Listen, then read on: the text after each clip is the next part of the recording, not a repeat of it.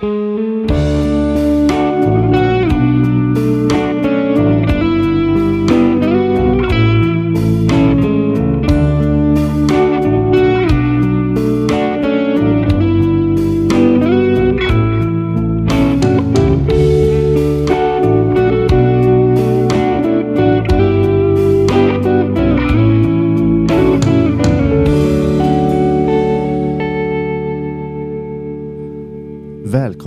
Funktionsrätt och slätt. En podd av Funktionsrätt Göteborg med mig, Rickard Hallin. Och mig, Ida Hansson. I podden lyfter vi fram intressanta perspektiv, erfarenheter och livshistorier från personer som är en del av kampen för ett samhälle för alla. Oavsett funktion, rätt och slätt. I detta här avsnittet så håller vi oss nära hemmet. Eh, vi ska nämligen prata om Funktionsrätt Göteborgs individstöds erfarenhetsrapport för 2022. Alla som kan ska arbeta. Ett löfte eller ett orealistiskt krav. Med oss så har vi ingen mindre än kompositören av poddens fantastiska jingel, Marcus Asplund Brattberg. Välkommen Marcus! Hallå, hallå! Eh, förutom som musiker så jobbar Marcus här hos oss på individstödet och är även en av författarna till erfarenhetsrapporten tillsammans med Anki och med Rickard också. Precis. Um, så vi ska prata lite om rapporten och vad den innehåller. Men vi skulle vilja börja med att be att få ett exempel från rapporten.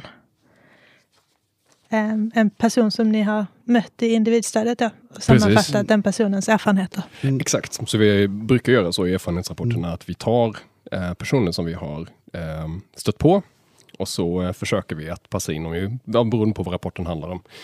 Eh, så här har vi någon som vi träffade på som hade haft väldigt otur när det mm. kom till Arbetsförmedlingens program. Så jag tänkte mm. bara läsa den direkt från rapporten. Mm. och den här personen har vi valt att kalla Mohammed. Då. Mohammed deltog i ett av Arbetsförmedlingens program.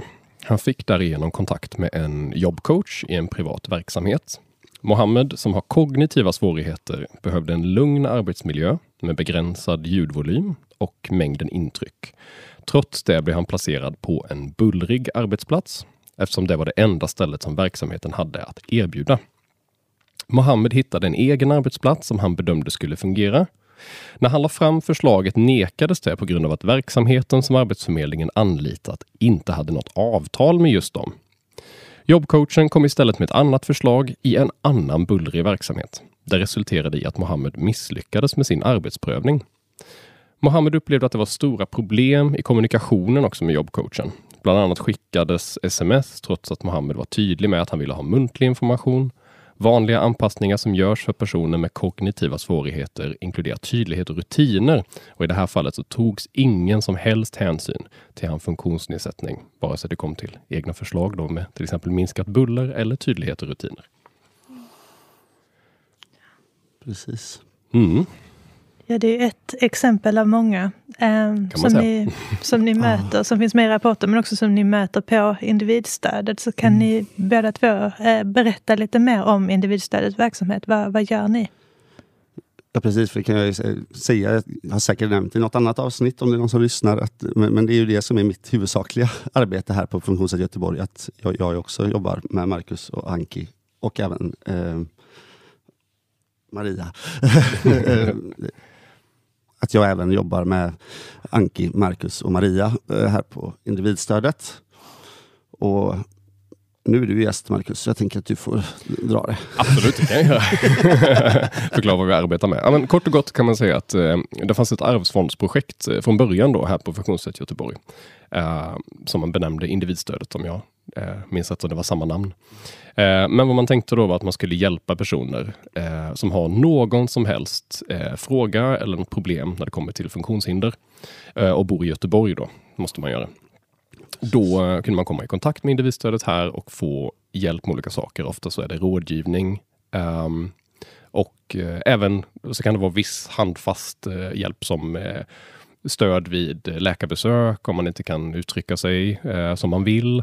Ehm, eller att det kan vara att man eh, har, hänger med på ett möte med skolan, om det är så att man har ett barn som det inte fungerar för i skolan. Det är några e-, korta exempel, men det som är grejen är att vi försöker stötta personer som har hamnat mellan stolarna, som kanske inte har fått den hjälp de behöver från Um, om det då kommer, socialtjänsten eh, till exempel, man inte får den hjälpen därifrån som man har rätt till, eller att man får för lite hjälp, då kan man komma hit och få stöd i att kanske överklaga ett beslut eller eh, att eh, få råd med vilka alternativa insatser man kan söka och så.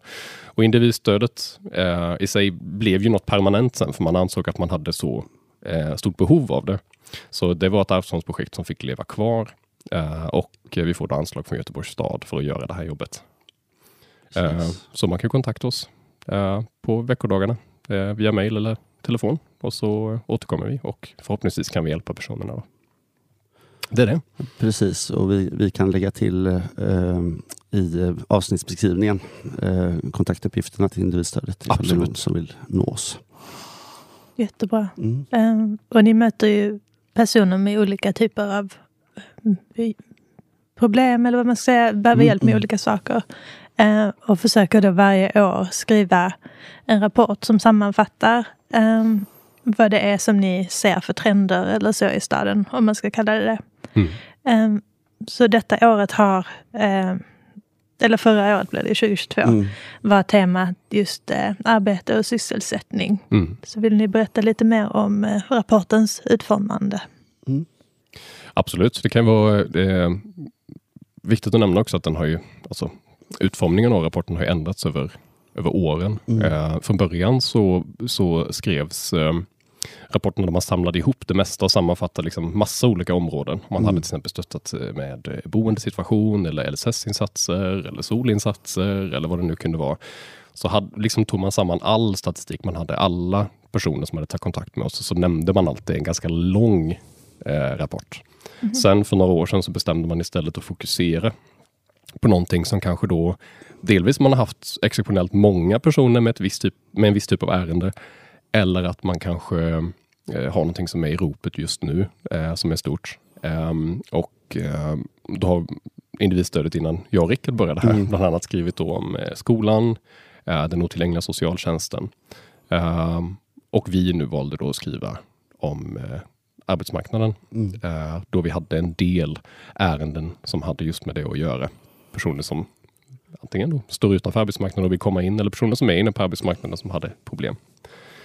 Um, så det är det. Vill du att jag ska nämna någonting om hur själva rapporten är utformad just nu? Eller? Om du vill. Ja, ja absolut. Den är ju inte lika lång som eh, de andra rapporterna varit eftersom vi har valt den här eh, formen. Mm. Det vi har gjort istället nu är att vi försöker liksom belysa vad det finns för eh, eh, först för problem som folk träffar på ganska ofta. Hur den generella statistiken ser ut för personer med funktionsnedsättning jämfört med den övriga befolkningen när det kommer till eh, arbete och sysselsättning. Um, sen så, eh, så kollar vi då konkret på vad finns för hjälp att få? Har folk fått den här hjälpen? Vad har det liksom mynnat ut i? Um, och så har vi ju då lite olika aspekter uh, av arbetsmarknaden som vi diskuterar. Till exempel, vad är ett arbete? Vad är en sysselsättning? Börja där liksom. Vilket är ganska intressant. Ja, men precis. Och det är precis som du sa också Marcus, med att eh, rapporten har liksom utvecklats över tid. Från att i början var det också väldigt tydligt att den var eh, ja, men det var en väldigt tydlig det var en rapport om vad, vad var det som hade hänt på individstödet så, som gick uppåt, alltså man, tillbaka till staden eh, för att visa vad vi här, eller hade, de då hade sett under året. Vilka ärenden hade tagit emot, hur många och så vidare. Och eh, den förändring som skedde var ju mer att belysa enskilda frågor, och, och, som du sa, och att vi har ju eh, velat ta det vidare ett steg till. Att liksom just det här vart den riktar sig. Att eh, Man kan säga att de var nog på väg mot det redan. Eh, tidigare anställda. Eh, det är ju Anki som har fått eh, tolka till oss vad, hur, vad som tänktes då, för vi var inte med. Men att eh, det även kan vara till andra människor, alltså till de det berör. Och vi har, för oss har det varit viktigt att tänka ännu mer så att eh, den är skriven absolut till politiker och till makthavare, men oh ja. lika mycket till eh, ja, individer som eh, befinner sig i situationen, eller anhöriga, eller föreningarna och så vidare. Så det, så det, Absolut. Man, Dels att man, mm. Eh, till exempel om vi tittar på rapporten om skolan, så är den ju till för båda som en, mm. liksom, ett påverkansarbete. Mm. Det är ju, vi vill ju att politiker ska läsa de här rapporterna. Men likväl så kan ju en förälder som, som upplever bekymmer i skolan med, med sitt barn eh, kan också ha den till hjälp, den rapporten. Det är liksom mm. de två vi vill, eh, de två eh, ska man säga, syftena vi skriver det för. Eh, men den kanske har varit ganska tjock och otillgänglig, mm. liksom, rapporterna innan för den enskilde. Liksom. Mm. Eh, så vi försökte göra den mer lättillgänglig nu, bland annat då genom att faktiskt också skriva en lättläst rapport. Ja, Eller precis. version av rapporten. Mm. För att göra den ännu mer tillgänglig. Med jättefina illustrationer och sånt. Men ja. det kan vi prata mer om sen. Det kan vi göra. yeah. Och den är ju då baserad på era uppdragsgivares erfarenheter. Så den är väldigt grundad eller förankrad i Göteborgs kontexten också. Um, på verkliga situationer som ni möter under året. Mm. Um, som till exempel det här exemplet med Mohammed. Då. Mm. Um, och det finns, alltså den är otroligt läsvärd och vi länkar ju till den i uh, avsnittet också. Men vi tänkte vi skulle gå in och diskutera lite grann av vad rapporten innehåller. Några av de centrala teman som finns. Uh, mm. Men inte alls, så att det är fortfarande värt att läsa den. Precis. och um, då tänker jag, uh, Marcus, om vi tar centrala teman från rapporten. Är det något du känner att är viktigt att börja med?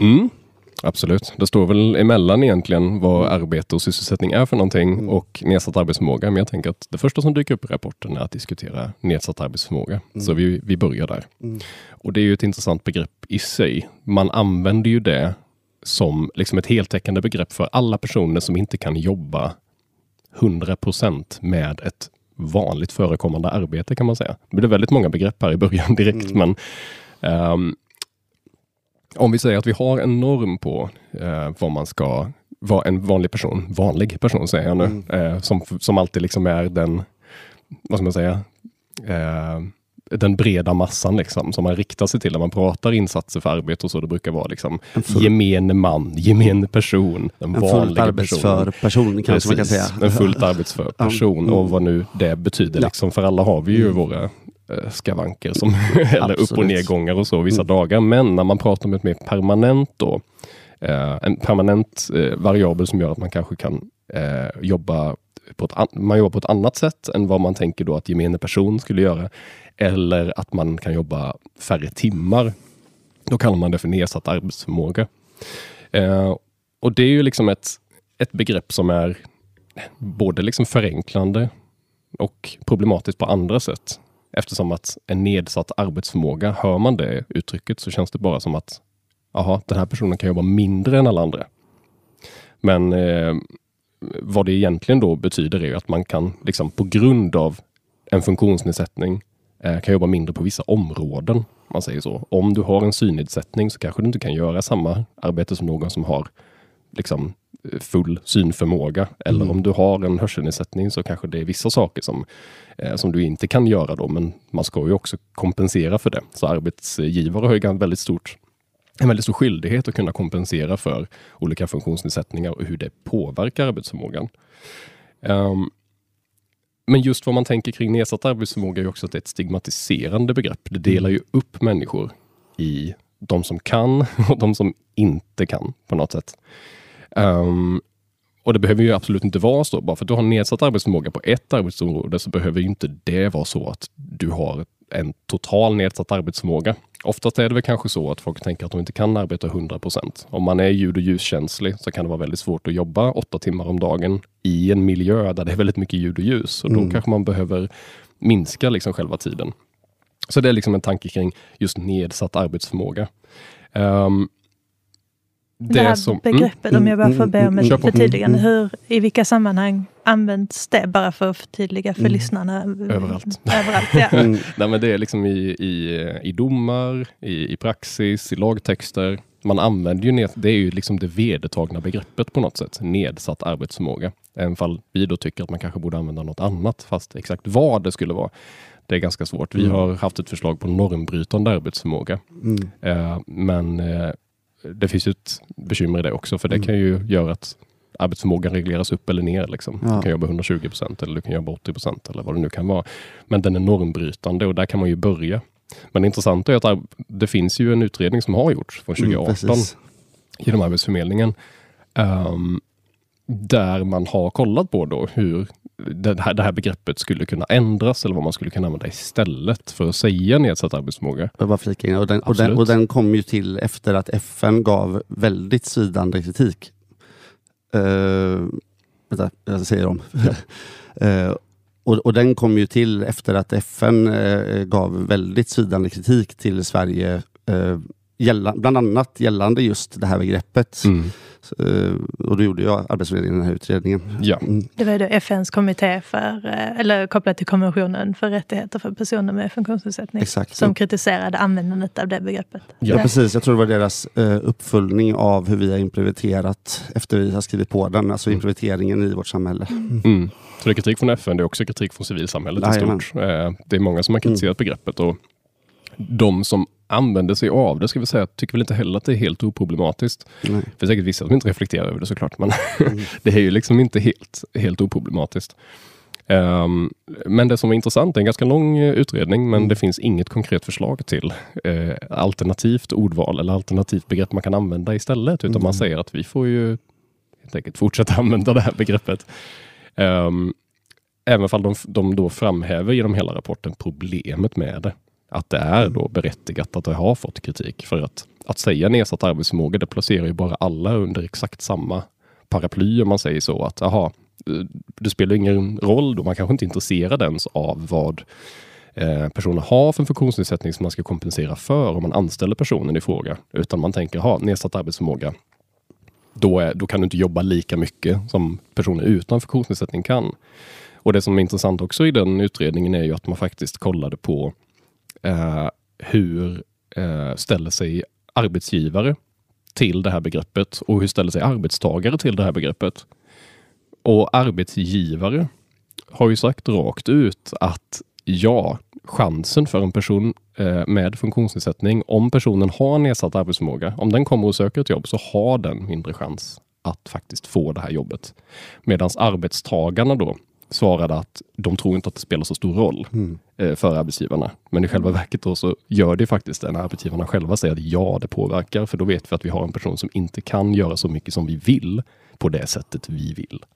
Det var också intressant att de fick fram det. Ja, verkligen. Och det är också en av de svåraste diskrimineringarna att liksom någonsin kunna granska. Eller, eh, för att en rekryteringsprocess är så sluten som den är och det är eh, urvalsprocessen i synnerhet, vilka som blir kallade på intervju.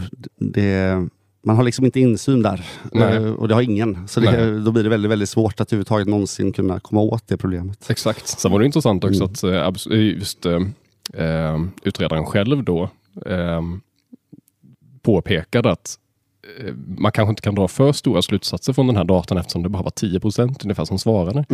Eh, och kan man också fundera på varför det deltagandet var så lågt. Mm.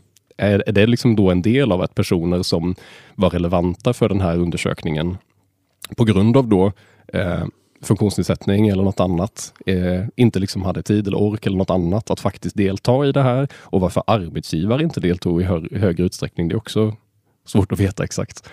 Ehm, så det är också en intressant aspekt av det. Eh, men det heter fortfarande nedsatt arbetsförmåga. det gör det. Det är Jag inget som tycker har också ändrats på. det är spännande att den här rapporten är så svår att hitta. Jag försökte få tag på den och Mm. läsa den, men det går liksom inte att söka upp den. Och den eh, alltså jag undrar vad det betyder, att den är så eh, dålig. Liksom. Verkligen.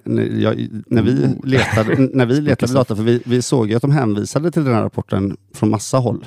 Eh, och det var, ju- jag minns att jag hittade den till slut, men det var ju detektivarbete. Jag hittade den på något arkivhemsida av något slag, liksom i en inskannad version. Eh, det är jättemärkligt. Den och finns- den är inte så gammal, från Nej, 2018. Det exakt. borde, alltså frågan borde vara mer Mm. aktuell kan man tycka. Man kan ju säga, den, är skriven av Emanuel Mörk Mm. och den heter Översyn av termen nedsatt arbetsförmåga. Och Mm. skriven då eh, 2018 och utgiven genom Arbetsförmedlingen. Och Mm. jag har en länk till den i rapporten, men den länken är ju inte eh, den funkar inte längre. Nej. Jag hämtade den dock, eller den, är- den är hämtad eh, i början av året Mm. och nu är den inte där. Mm. Eh, Så jag vet inte varför. Man får som sagt göra detektivarbete och Mm. leta efter den för att hitta den, men den finns där ute. Eller mejla oss. kan man också göra, så kan vi Eh, skicka den. Ja, för vi har, vi har den. Mm.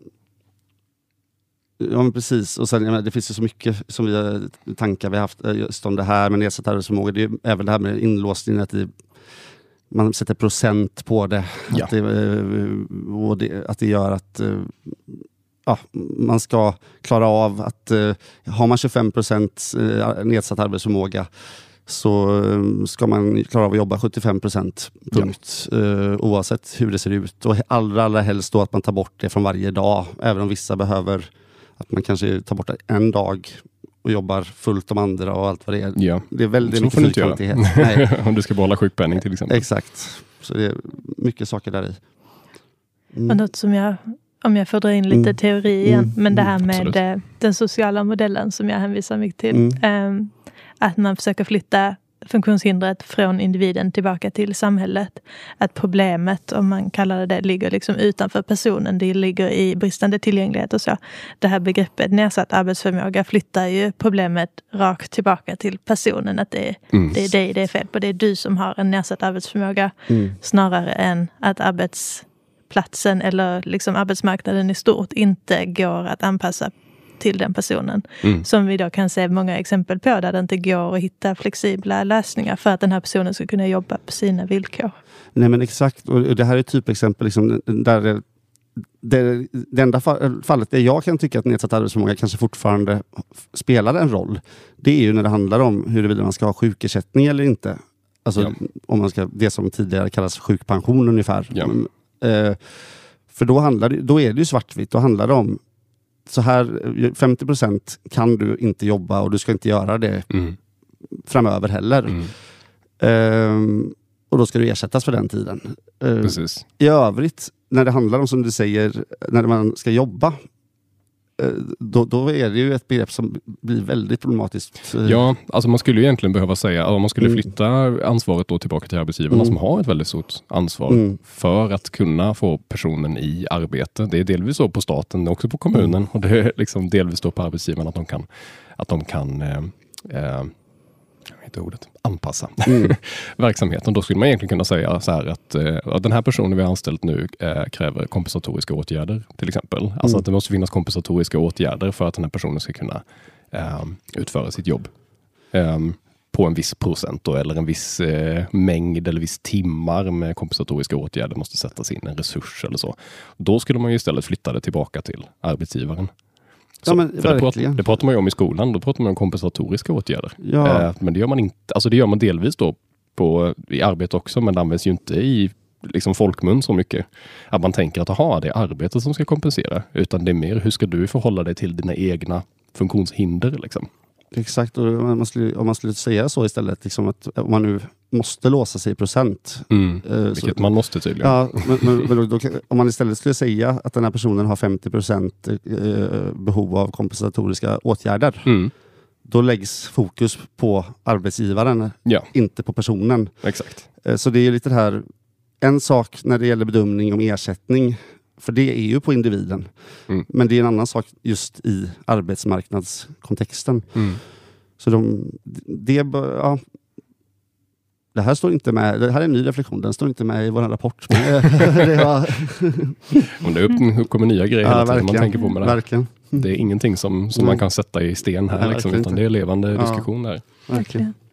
Om jag får dra en parallell från det som du sa Rickard med eh, alltså hur man eh, beskriver vilken typ av insatser som behövs. Något annat som finns med i rapporten är ju det här med normalt förekommande arbeten. Mm. Och där förstår jag från er som att det har skett en positiv kanske förändring i hur man eh, skri- beskriver ett arbete från att man beskriver eh, brister hos en person till att man beskriver eh, arbetsplatsen. Vill ni eh, berätta lite mer om det? vill bara säga för, det, var, det, var, det var en väldigt, fin, ett väldigt fint sätt att formulera det på. Jag, jag skulle inte säga att det är riktigt så vackert nu eh, heller. Eh, men eh, eh, det, det var ju väldigt illa förut. Ja, det finns ju en ändring som har gjorts som är väldigt, eh, alltså den, den är ju bra Mm, eh, på ett sätt. mm, Ehm, och det man tänker på, det, det har ju tagits fram ett material som jag tycker är väldigt så här, olycksbådande. Mm. liksom heter kunskapsmaterialet. mm, Det låter väldigt så här diffust, vad är det för någonting? mm. Men vad det är egentligen då, det är framtaget ehm, på uppdrag av Arbetsförmedlingen och det är, ehm, eller inte på uppdrag av Arbetsförmedlingen, det är framtaget av Arbetsförmedlingen på uppdrag av regeringen. Mm. Så om jag minns rätt. och det som är, eh, det som är eh, grejen med det här, det är, ett, det är ett gediget material. Mm. Alltså det är ju eh, det är mer eller mindre så här, de har tagit alla jobb som man anser då vara normalt förekommande. Och det, Mm. är också kanske svårt att rama in exakt vilka det är, men då har man skrivit exakt vad man gör i det, eh, i, liksom i det yrket.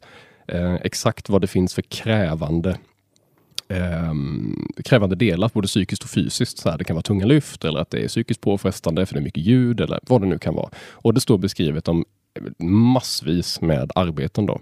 Och det som är eh, bra med det här materialet är att det, är- det är ju lätt för eh, handläggare att använda sig för. Att man kan, eller ja, för man kan titta liksom att här, det här arbetet eh, skulle kanske kunna vara lämpligt. Och nu är det ju faktiskt så att för att man ska kunna ge avslag på sjukersättning till exempel så måste du eh, ge ett specifikt arbete som, att, som den här personen ska kunna göra och utföra som då inte får sjukersättning till exempel. Eh, Jag tänkte precis säga det, att vi, vi, hoppade lite över i kontexten med att det här handlar om Försäkringskassan, Försäkringskassans bedömning av eh, sjukpenning eller sjukersättning. Eh, och att tidigare så eh, behövde de bara säga att eh, de tyckte att det fanns ett normalt förekommande arbete. Alltså, så länge de, de sa att det fanns personer skulle kunna jobba på ett normalt förekommande arbete så kunde de ge avslag. Eh, sen har det skett en lagändring som, Mm. där det nu är att de måste ange inom ett arbetsområde. ja.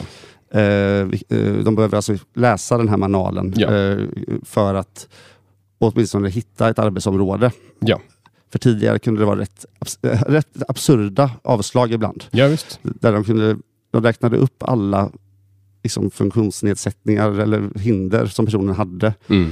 Du kan inte vara i ett rum med människor. Du kan inte vara ensam. Du kan inte ligga och du kan inte stå. Mm. Därför eh, så kan vi, anser vi att du kan arbeta på ett normalt förekommande arbete där du inte behöver vara bland folk eller vara ensam eller ligga eller stå. Ja, precis. Eh, så där, alltså, det här var ju såklart tillspetsat men ja, men så var det i praktiken. Så att, ungefär, det- var verkligen inte långt ifrån sanningen. Nej, nej, nej. Och det, det kan de inte riktigt göra längre. nej, nu måste de säga ett konkret yrke som du kan göra, men ett, som, något som är problematiskt i det här också, det är såklart att det kan inte vara lika lättvindiga avslag, utan du måste ha eh, något konkret att komma med och säga du kan jobba som det här. Mm.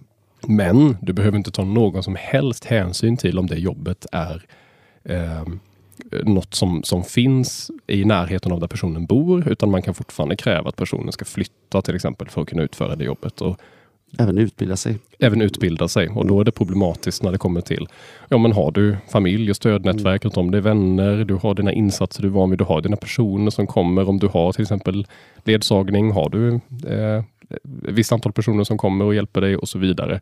Att då måste du ju ge upp allt det för att åka iväg någonstans, flytta någonstans och arbeta med ett yrke som de då tycker att du kan arbeta med. Så det är ju fortfarande problematiskt att man inte behöver ta hänsyn till eh, geografisk plats för det här yrket. Så om du bor i Skåne så kan man säga att du kan jobba i, i gruva med olika saker. Ja, då måste du flytta ganska långt norrut. Mm. Så. Ni har också en hel del exempel i rapporten på eh, krav på att testa som ibland kan kännas ganska orimliga. Mm. Ehm, där en person kanske har ett jobb redan, eh, men för att få eh, eh, rätt till ersättning så kanske man behöver testa ifall ett annat jobb skulle man kunna jobba fler timmar eller så. Ja. Så jag undrar ifall ni vill läsa upp ytterligare ett exempel.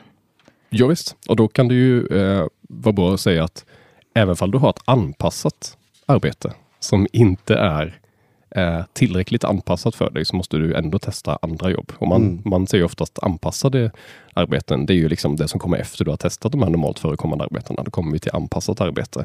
Men det har även varit så att anpassade arbeten nu är inte bra nog utan du måste söka till ett annat anpassat arbete och testa det först. Men jag, jag läser upp det Mm. och då är det en person vi har träffat på som vi kallar för Nor. Eh, uh, Nor arbetar 50% på ett arbete som har anpassats väl av hennes arbetsgivare. Hon arbetar 50% då det är det hon klarar av med tanke på sin sjukdomsbild. Hon har haft sjukpenning under en tid och har till slut blivit utförsäkrad. Hon lider av kronisk migrän, annan huvudvärk samt starka hjärtklappningar och har haft huvudvärk nästintill varje dag under de senaste 20 åren.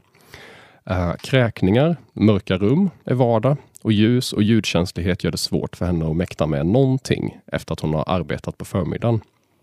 Vid ansökan av sjukersättning av 50% blir nog nekad med hänvisning till att hon inte har testat ett antal normalt förekommande arbeten med anpassningar, andra anpassade arbeten och inte heller vissa behandlingsmetoder som i övrigt är experimentella och inte erbjuds i Sverige eller som inte har visat på tillräcklig effekt. Hon bedöms heller inte ha en funktionsnedsättning som kommer att vara stadigvarande nedsatt.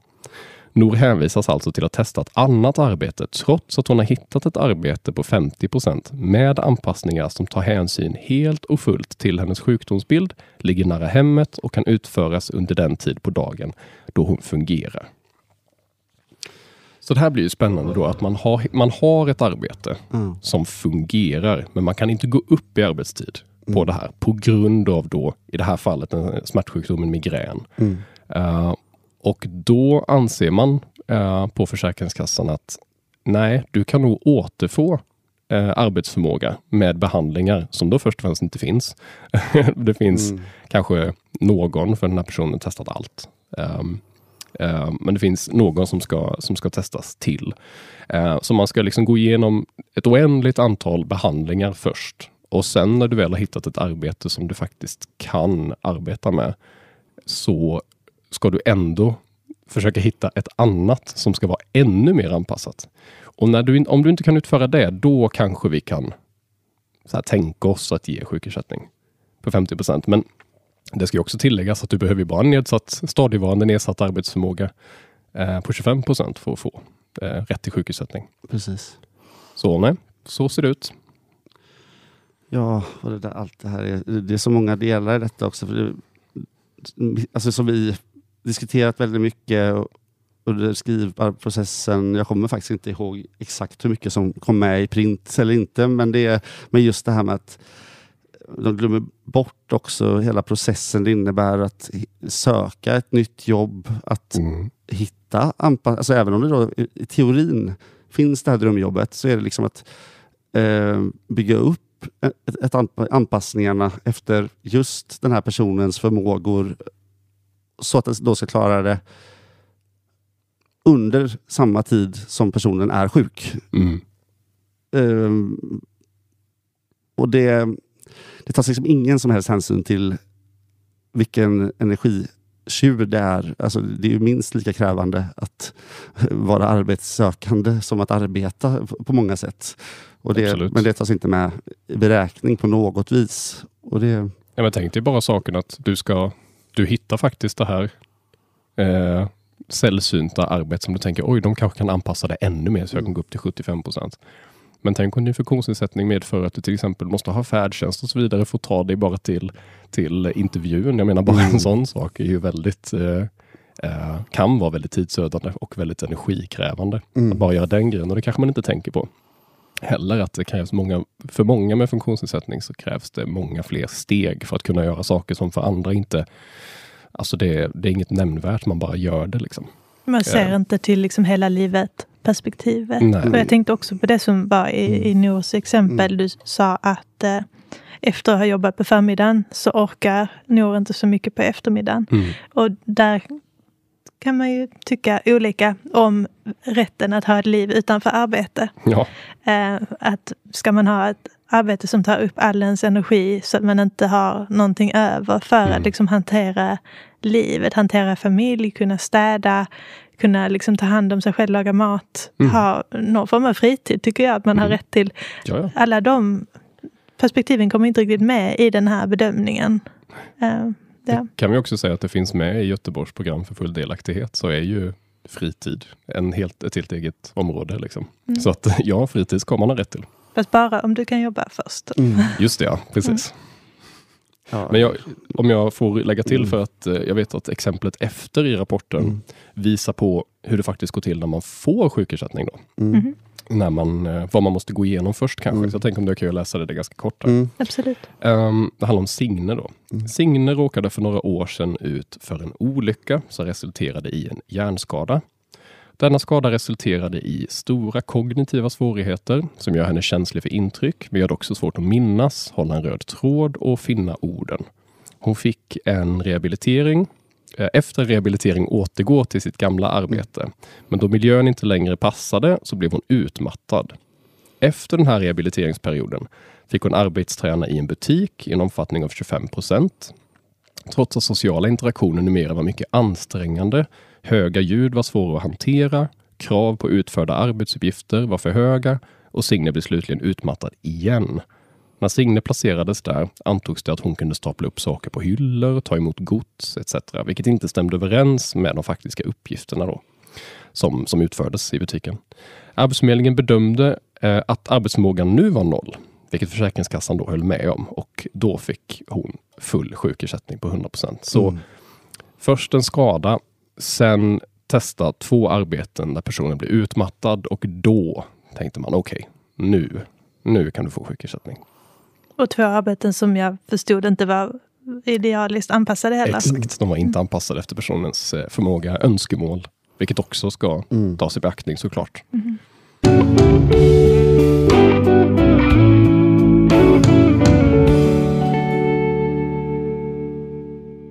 Nu har vi diskuterat några av de centrala delarna i rapporten. Inte allt, såklart det finns mer i den. Mm. Ehm, men vi tänkte gå vidare till lite reflektion. Ehm, för den största frågan kvarstår och det är just den som är titeln på rapporten. Alla som kan ska arbeta. Ett löfte eller ett orealistiskt krav. Ehm, hur kom det sig att ni valde just den titeln?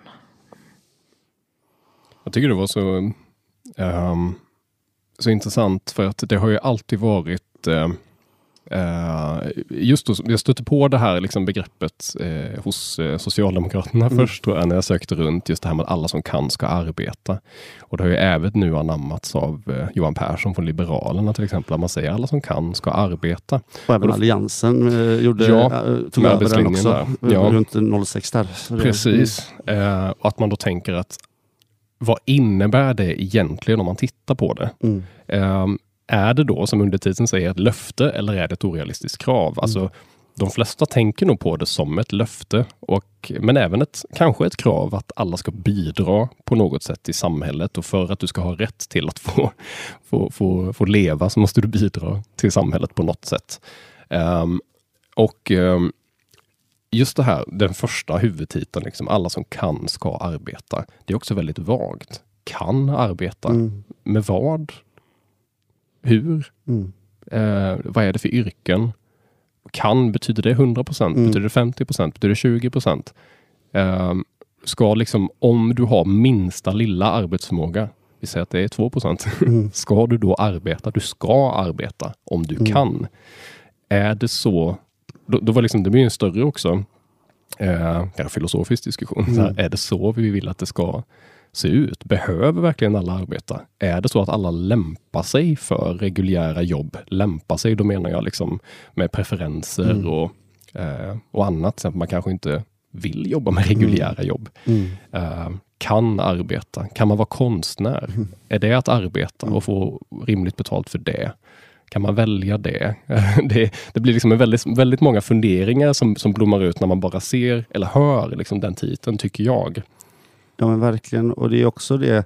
Jag trodde att arbetslinjen skapades liksom under folkhemsperioden, mm. liksom 50-60-talet. Ja, jag också. Men eh, jag läste på lite innan nu. Jag insåg att tydligen 1916 eh, var det, ah. eh, var, Men jag går inte in på detaljerna därifrån nu. Men, men just det, det är intressant just hur den har använts för att motivera så olika typer av politik. Ja. För den var liksom en stor del i under, under liksom sossarnas jämställdhetsreformer. Under, eller inte bara sossarna, utan 70-talet, 60-70-talet när man byggde ut eh, liksom både äldre och barnavården eh, och omsorgen så att eh, kvinnor kunde komma ut i arbetsmarknaden.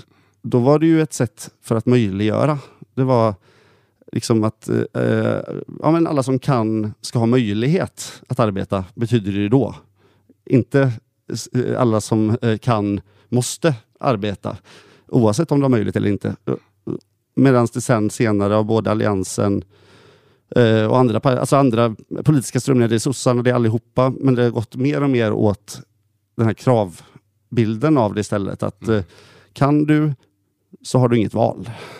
Så att själva ordet ska ha skiftat från att betyda liksom ska ha möjlighet att arbeta till liksom ska, som att du måste arbeta om du har kapaciteten. Ja, Ja, det, det är liksom eh, verkligen det som vi har reflekterat mycket eh, om genom den här rapport, alltså skrivandet av rapporten. Har det varit återkommande för oss, lite grann samtalsämne väldigt mycket. Och, och just att det finns någon slags dissonans mellan vad folk, eh, som du sa Marcus, vad folk har för förväntningar på den typen av retorik.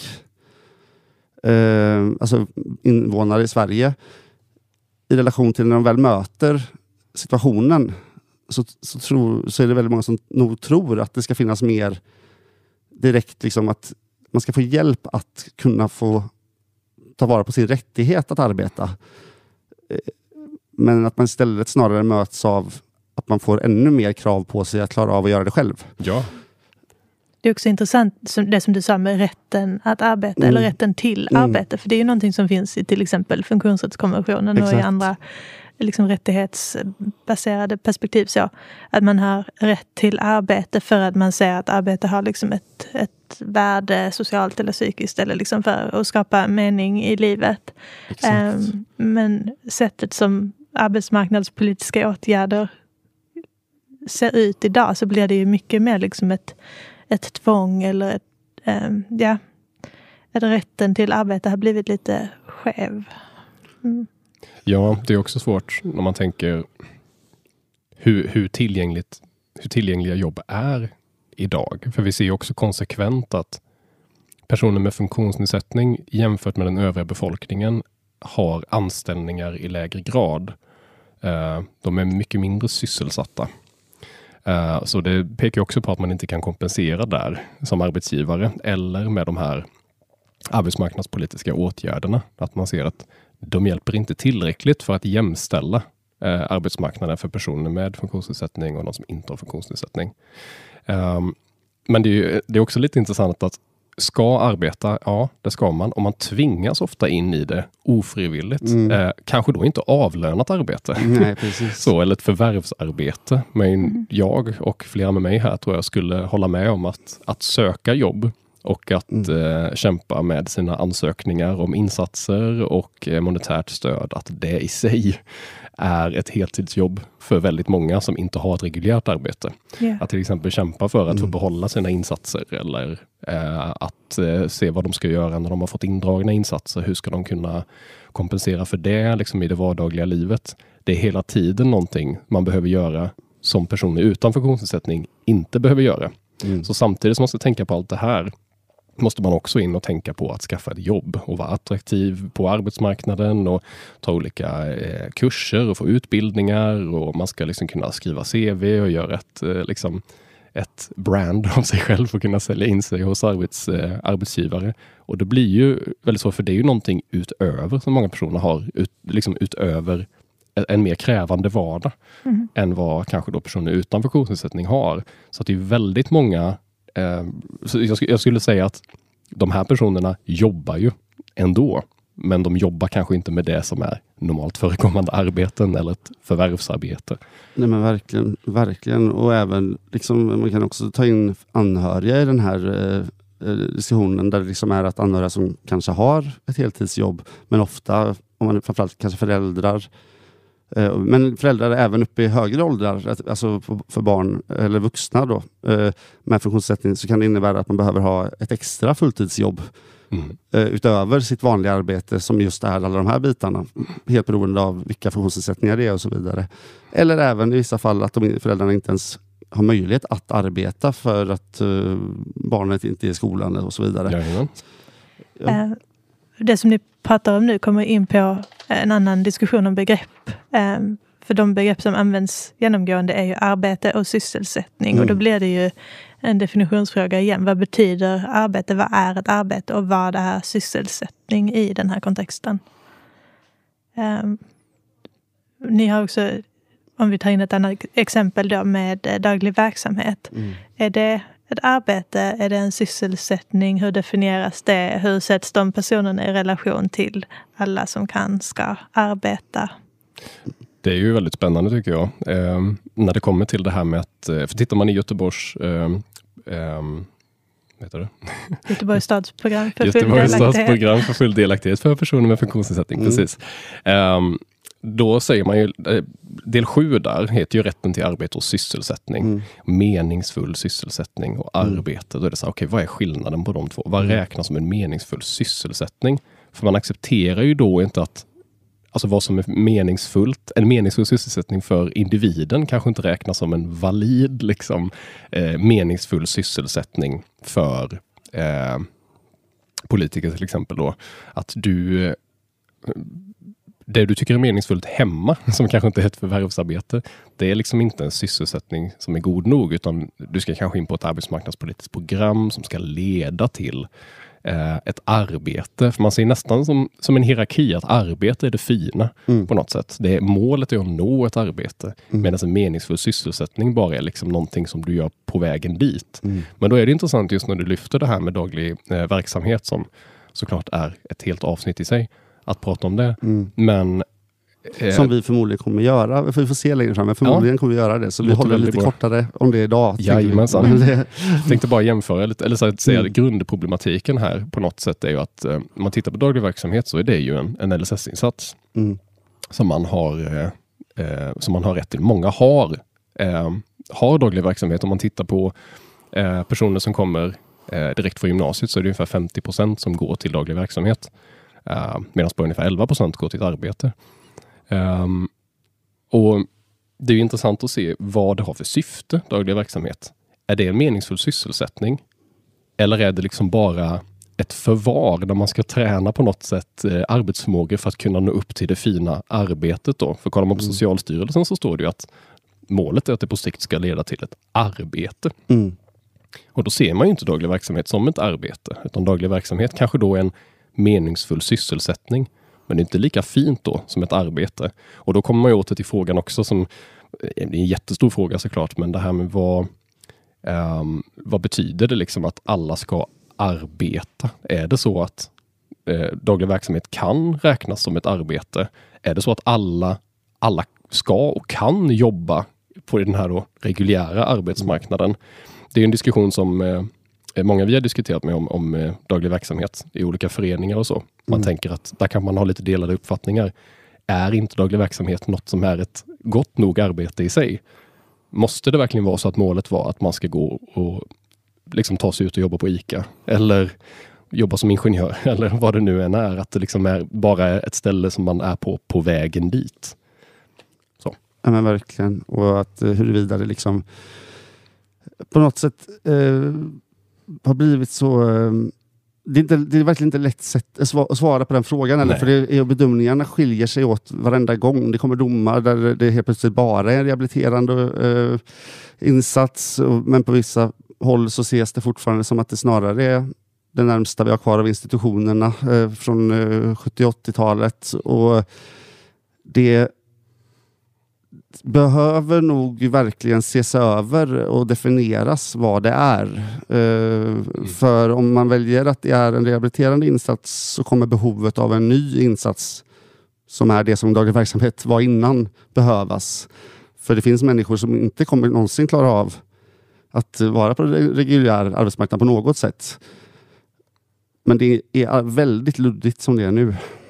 Och, utifrån då rättighetsperspektivet så Mm. borde det ju utgå från individens meningsfullhet. Eller liksom Mm. att skapa ett liv som, som är värdigt och meningsfullt för den personen snarare Mm. än att hela tiden se det liksom som ett steg mot arbetsmarknaden för att det är det enda liksom rätta eller värdiga sättet Mm. att leva.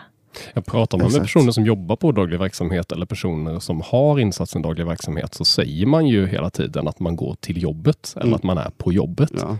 Och det, liksom, man gör ju också ofta moment som liksom på ett sätt simulerar saker man gör i, ute i arbetslivet på något Mm. sätt. Att man kan göra liknande uppgifter. Det står ju också Socialstyrelsens rekommendation att man liksom kan göra eh, aktiviteter eller moment som ska påminna om saker man gör i arbetslivet eller som kan vara exakt likadana. Och då blir det väldigt svårt att säga vad skillnaden är mellan ett reguljärt arbete Mm. och daglig verksamhet. Om man har till exempel driver ett café som daglig Mm. verksamhet, vad är Ja. skillnaden Eller mot att jobba på ja. ett café med rätt anpassningar? Skulle inte då daglig verksamhet, caféet, kunna Mm. vara ett regelrätt arbete? Ja, skillnaden är att du inte har lön och semester. Det är det. Ja. Pension. Eh, Ja. ja. precis. Inte rätt att organisera sig i fackförbund. Nej, Nej, precis. precis. Det är det som är skillnaden antar jag. Ja. Inte just kanske vad man gör. Mm. Liksom. Just Utan rättigheterna kring Mm. det. Exakt, Mm. att det, det är med det. Och det är väldigt svårt för att det är ju som sagt upp till, man får ju liksom kolla på vad personerna själva vill och, och tycker för att det här är ju folk som både är i daglig verksamhet, om det både då är personal eller personer som har insatsen, är delade kring. Vissa kanske ser det då som en Mm. insats för att man har en dröm om att ta sig ut på den riktiga inom eh, air quotes här, citattecken, eh, den riktiga arbetsmarknaden.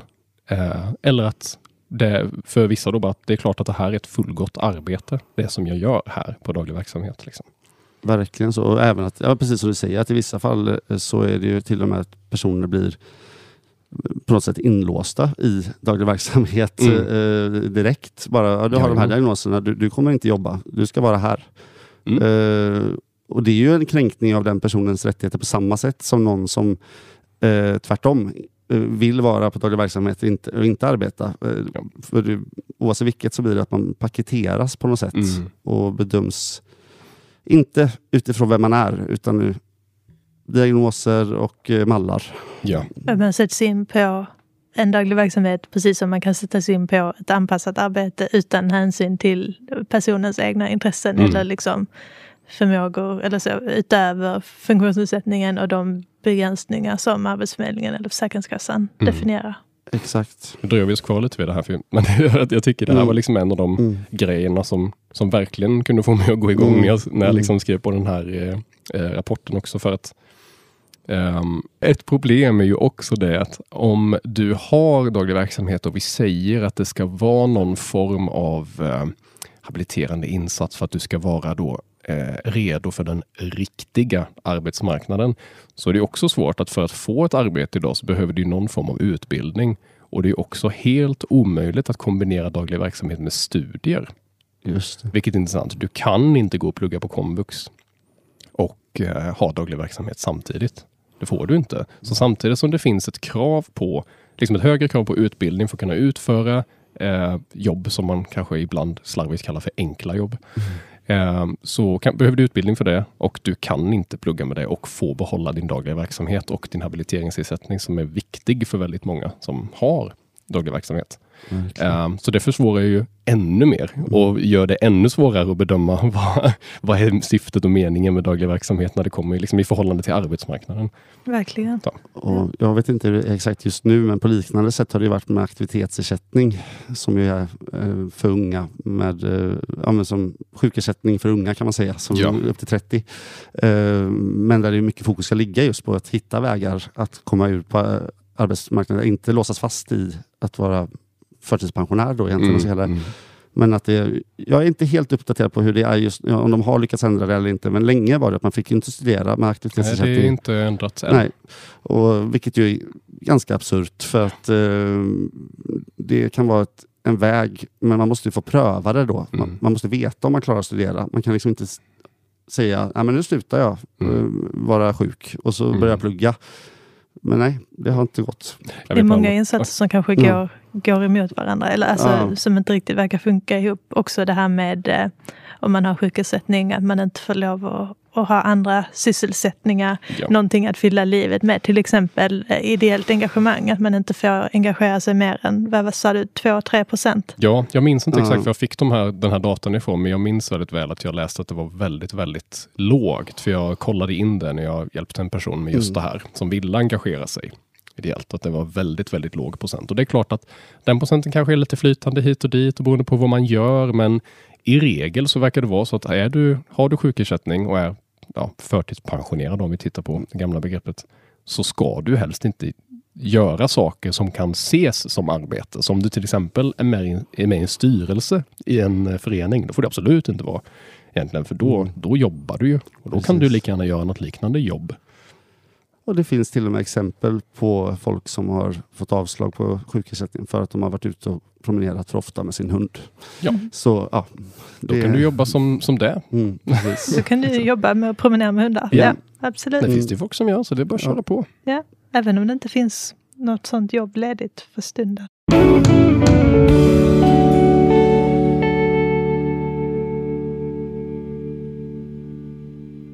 Okej, då har vi diskuterat en del i rapporten då och ska börja knyta ihop det här med att diskutera vad som händer framöver för individstödet. Vad är på gång liksom?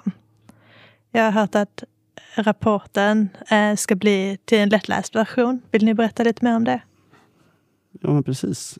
Det, Ja, nej, allt- absolut. Ehm, det är ju så att eh, vi, vi tänkte att göra den tillgänglig för så många människor som möjligt. mm, Och det är ganska många, jag tror jag läste 14 procent ungefär av den vuxna befolkningen i Sverige som, som har behov av lättläst eh, text. mm, Eh, och eh, då tänkte vi man kan göra en lättläst version som är liksom bara en, en, en mer liksom, lättskriven rapport. Men istället då så tänkte vi att vi ska göra det till ja, men ett material som blir som en liten kort, typ som en tidning eller en Mm. broschyr eller något på ungefär tio sidor. Där vi skriver det viktigaste inom de här olika temana som vi har då i rapporten. Ehm, så eh, det kommer bli ganska nedkortad mm, Eh, och vill man läsa mer så kommer det ju liksom, har man ju alltid den, den eh, mm. stora rapporten. Man kan också fråga. Så det Mm. Man kan ju kontakta oss om man vill Jajamän. liksom veta någonting mer. Men det som vi också ska göra då är att vi ska illustrera den. Så vi ska försöka att göra den, inte bara att det är vit papper med svart text, utan att vi gör det lite intressant med illustrationer. Och då har vi eh, eh, bett eh, handpapper som tillhör kooperativet Klippan eh, att eh, illustrera åt oss. Precis, så det blir liksom lite Ja, men lite nästan serietidningsstripsaktigt ibland.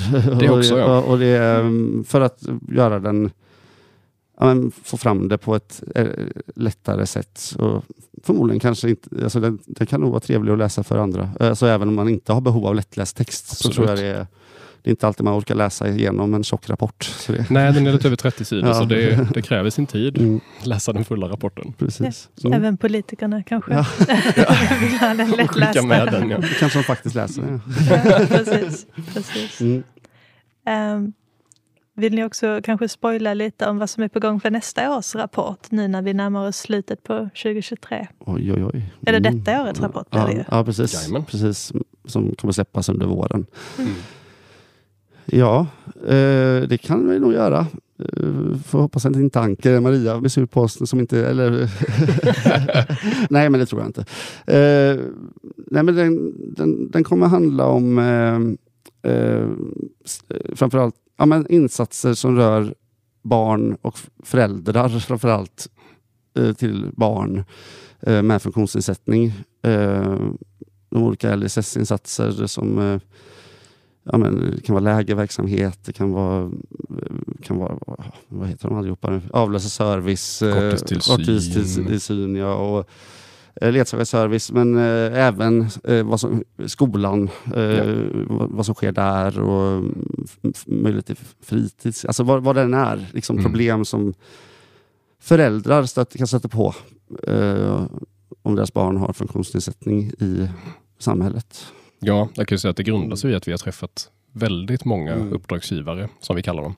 Eh, sen jag och Rickard började här, jag har träffat på väldigt, väldigt många föräldrar som har fått eh, indragna insatser till sina barn eh, eller har otroligt ansträngande situationer eh, hemma. Och när man tittar på vilket stöd föräldrar behöver så brukar det komma i det andra rummet Mm. för att man har ju rätt till avlastning Mm. som förälder. Och vad finns det då för möjligheter? Vad finns det för insatser? Hur ser det ut? Hur lätt är det att få dem? Hur mycket, hur lite har man Mm. av de här insatserna? Hur gör man om man behöver mer? Eh, hur ser det ut om man ansöker om mer? Det finns väldigt mycket att, att prata om där. Men det är väldigt, väldigt många uppdragsgivare som har just det här. Föräldrar till barn då, som, som behöver avlastning. Precis. Spännande, det ska Mm. bli intressant att läsa det nästa år. Eh, Mm. och det blir kanske ett poddavsnitt om det också. Det hoppas vi. Ja, ja, men det, det kommer tillbaka om ett år ungefär. Ja. Eller jag är här tidigare. Men, Så utöver eh, att skriva rapporten som ni håller på med till nästa år då, eh, så kan man också som lyssnare om ni har några ärenden eller frågor eller funderingar så får man jättegärna ta kontakt med individstödet. Och vi lägger kontaktuppgifterna, mejl och telefonnummer i eh, den lilla informationsrutan under avsnittet. Så det får man jättegärna göra. Eh, också om man vill få tag på den här eh, mycket svåra att hitta rapporten från Mm. Arbetsförmedlingen om begreppet nedsatt arbetsförmåga. Just det. Exakt. Jag kan också lägga till att det är inte bara arbetsmarknad vi håller på med. Vi håller på med väldigt, väldigt mycket. Så Exakt. alla frågor som rör funktionshinder Ja. Precis. så kan man vända sig till oss. Så länge man bor i Göteborgs stad. Ja, Exakt. Ja. Eh, Då vill vi tacka Marcus så mycket för att du medverkade och berättade om den här rapporten. Ja, tack så mycket för att jag fick komma hit. Tack, Ja. verkligen. Ja, nej, men då säger vi hej då nu va? Det gör vi. Ja. Hej då! Hej då! Hej då!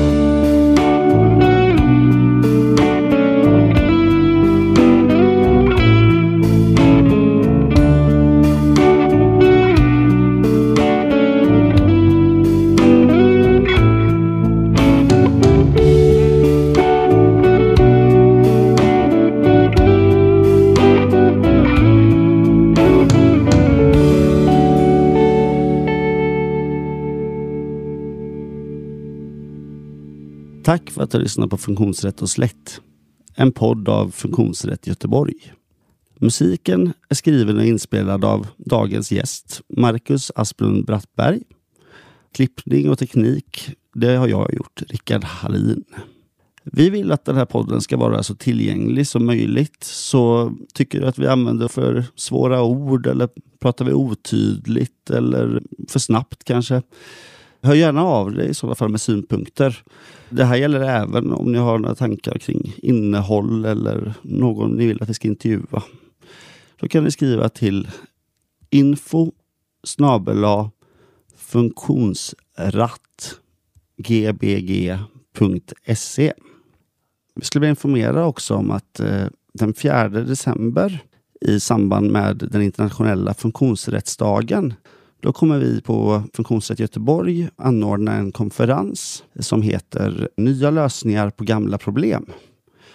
Under konferensen kommer vi ha panelsamtal med politiker och nytänkande aktörer och fokus kommer ligga på tillgänglighet. Detta kommer äga rum som sagt den 4 december på Dalheimers hus mellan 13 och 17. Dagen inleds även med soppa. Mer information finns att läsa på vår hemsida funktionsrattgbg.se. Ja, jag har nog inte så mycket mer att säga här så ja, vi hörs igen om en månad. Hej då!